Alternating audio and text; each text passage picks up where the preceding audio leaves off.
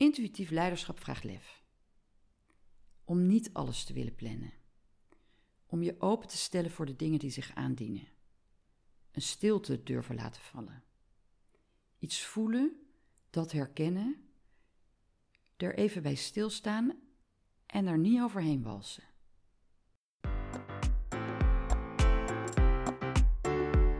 Welkom bij Ontrafeld, de podcast. Ik ben Fiona Koek en als systemisch coach begeleid ik vrouwelijke leiders die de balans kwijt zijn doordat ze te veel ballen in de lucht houden.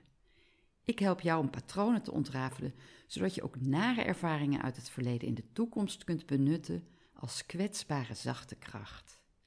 Met Ontrafeld, de podcast, is het mijn bedoeling om jou te inspireren om je hele zelf te laten zien. Omdat ik geloof dat de wereld daar mooier van wordt. Zoals ik dat ook heb gedaan met mijn boek Ontrafeld, bevrijd door anders te kijken naar mijn patronen. In alles wat ik doe, durf ik tegenwoordig mijn kwetsbare kant te laten zien. En dat voelt vrij. Dat neem ik ook mee in mijn rol als coach. In de show notes vind je een link naar mijn website www.koekcoaching.nl. Deze aflevering gaat over intuïtie, zweverigheid, spiritualiteit, want te vaak heeft het een negatieve connotatie in de mensen die ik spreek. En ik wil een lans spreken voor het andere geluid.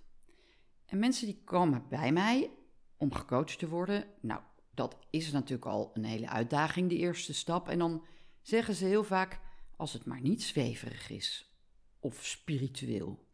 Nou, wat is eigenlijk spiritueel? Ja, ik vind het best wel lastig, maar ik dacht, nou, laat ik eens even kijken wat voor, uh, hoe, hoe, zou ik dat verklaren of uh, benoemen?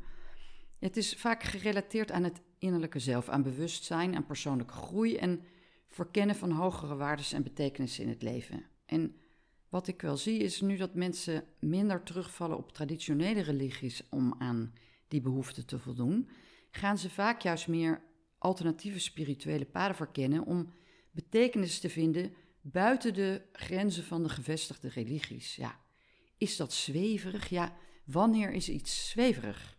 Sommige mensen vinden het woord lief al zweverig of praten over je gevoel. En dan wordt er een soort vies label opgeplakt. Onbekend, ja. Onwennig, ja. Maar vies? Nee.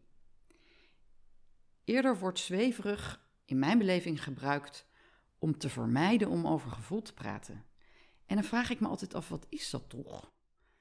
Aan de ene kant willen mensen een mooie balans tussen archetypische mannelijke en vrouwelijke eigenschappen. Ze willen duidelijke leiders met een visie die doelen weten te stellen, duidelijk communiceren, onomwonden, eerlijk, meer de mannelijke kant. Maar ze willen ook dat die persoon inlevend is, goed kan verbinden, ruimte geeft om over gevoelens te praten, begrip toont. Maar als we dan het woord lief gebruiken of vragen hoe iets voelt, dan zou dat niet zakelijk zijn of onprofessioneel.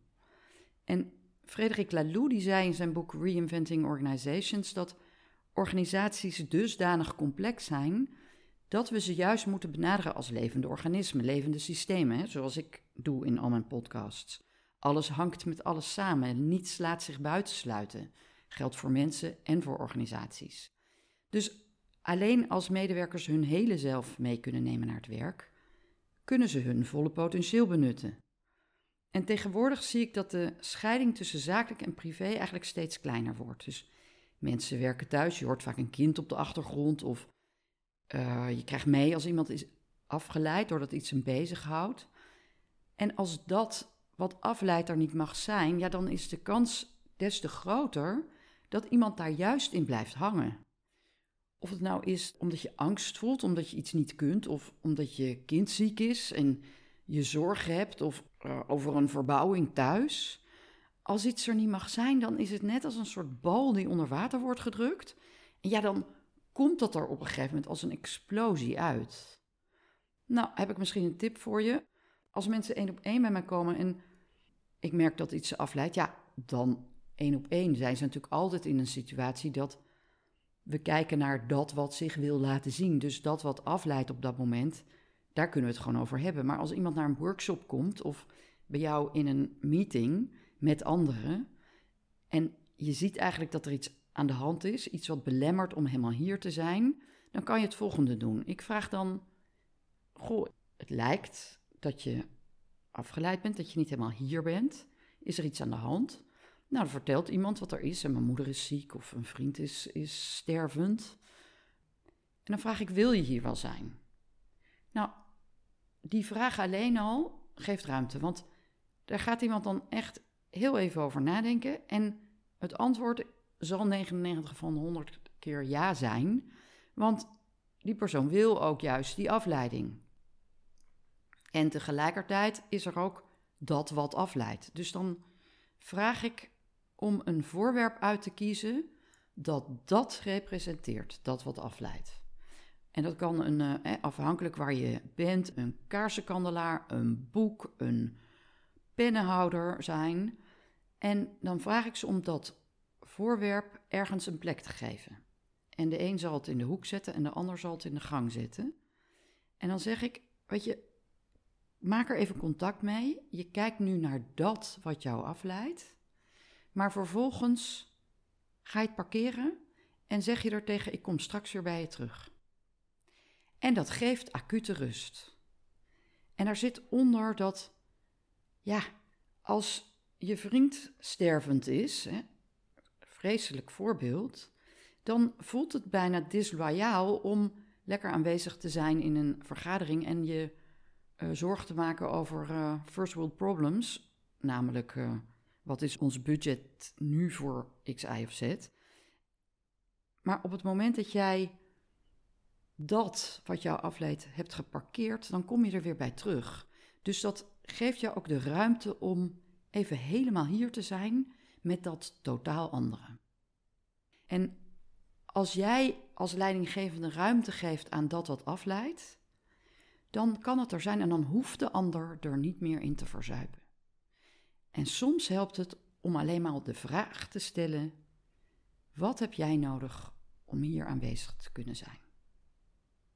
Nou, als jij alleen maar met resultaten bezig bent, hoe kan het beter, sneller, meer? Gewoon omdat jij zorgen hebt of omdat iemand in jouw nek zit te hijgen. Maar dan ben je heel erg gefocust op het graag goed willen doen. En dan handel je juist vaak vanuit je hoofd. Wat vaak heel goed werkt, totdat je merkt dat er meer nodig is.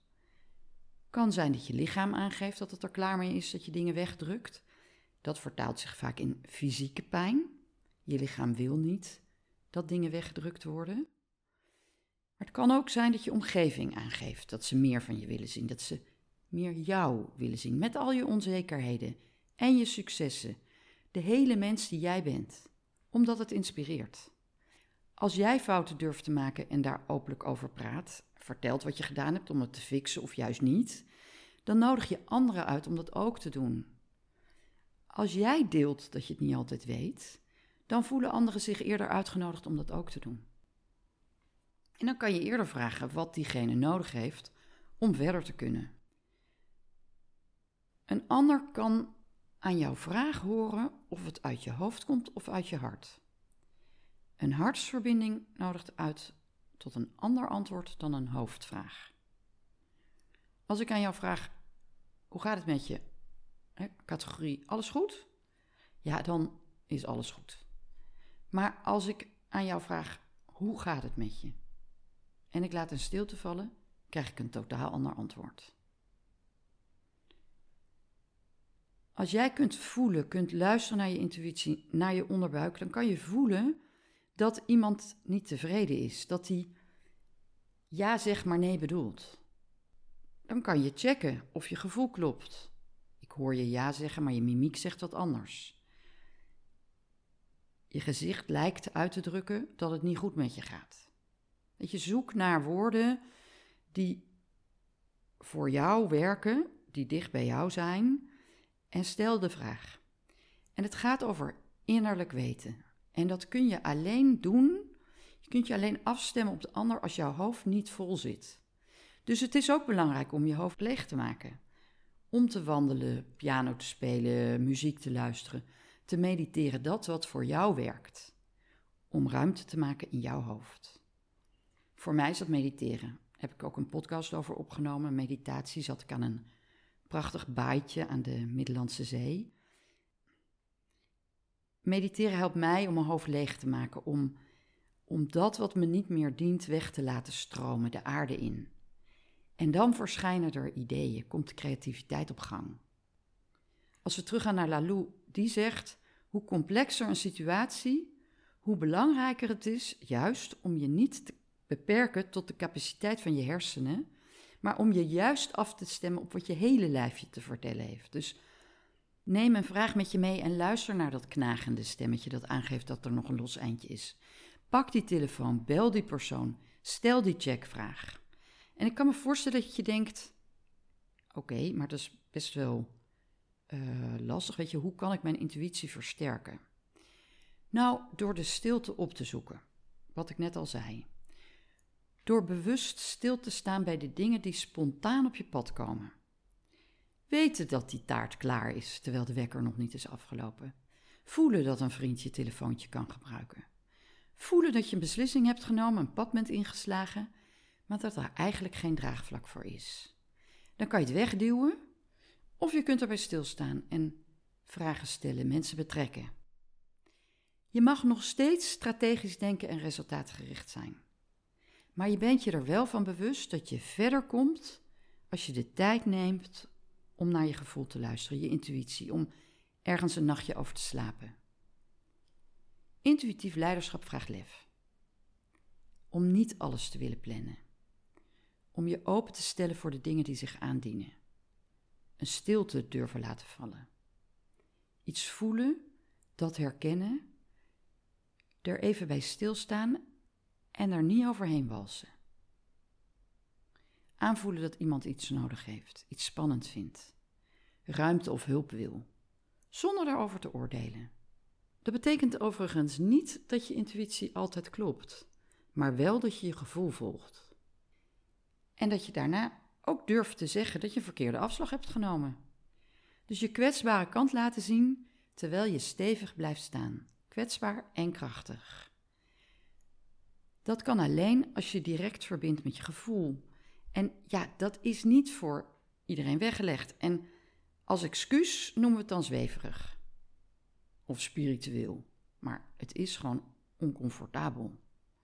Dus intuïtief is niet zweverig of vies, maar juist schoon, want anders kan je er niet bij.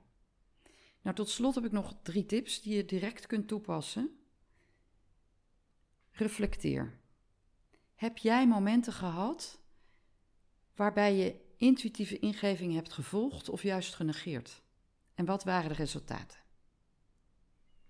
Neem de tijd om een intuïtief dagboek bij te houden. Een schijnbare toevallige ontmoetingen. Dingen die op je pad komen, juist door jouw aantrekkingskracht, omdat je er van droomde, omdat je het heel sterk verlangde. En opeens denk je: verdorie, dit, dit wens ik al zo lang en nu is het er. Experimenteer ook met het luisteren naar je intuïtie bij kleine beslissingen in je dagelijkse leven. Hoe voelt het om op die manier te handelen? Nou, ik vind het natuurlijk hartstikke leuk om te horen of je wat hebt aan deze tips. En je kunt direct reageren in de QA op Spotify. Je kan me altijd een mailtje sturen of via Instagram reageren. En wat ik ontdekte vandaag was: wist je dat je op Spotify een transcript van een aflevering kan vinden? Dan kan je iets nalezen. En ja, dat is uh, niet door mij geredigeerd, dus het is gewoon door Spotify zo uitgerold. Maar dan kan je toch nog even kijken wat zei ze nou, of ongeveer waar zat dat. Dat staat er ook nog bij, waar in welke minuut in de aflevering dat naar voren kwam. En dat kan je doen door in de aflevering even naar beneden te scrollen en dan staat er transcript. En daaronder staat trouwens alle afleveringen weergeven. En als je daarop klikt, dan kan je weer naar boven gaan. En dan zie je drie puntjes. En daar kan je de show, vind ik altijd zo'n mooi woord, de show beoordelen. Deze podcast show heeft nu 32 5-sterren reviews. En het zou natuurlijk leuk zijn als we die naar de 50 kunnen krijgen. Dus bij deze die uitnodiging. Wat namelijk ook zo leuk is, ik sprak van de week iemand die zei, nou, die belde mij om een vraag te stellen naar aanleiding van mijn podcast. En toen zei ik, goh, hoe ben je daar ooit op gekomen? En toen zei ze, nou, ik zat in de auto en ik luisterde naar een andere podcast en die was afgelopen. En toen gaf Spotify die van jou En ik kon hem niet uitzetten, want ik zat in de auto. Dus ik heb die aflevering beluisterd. Ja, sindsdien luister ik naar jouw afleveringen. Nou, als er dan ook nog eens een keer heel veel vijf-sterren reviews staan, dan draagt dat natuurlijk bij aan de social proof voor die luisteraars. Dus hartstikke leuk als je daaraan wil bijdragen. Tof dat je weer geluisterd hebt. Tot de volgende aflevering.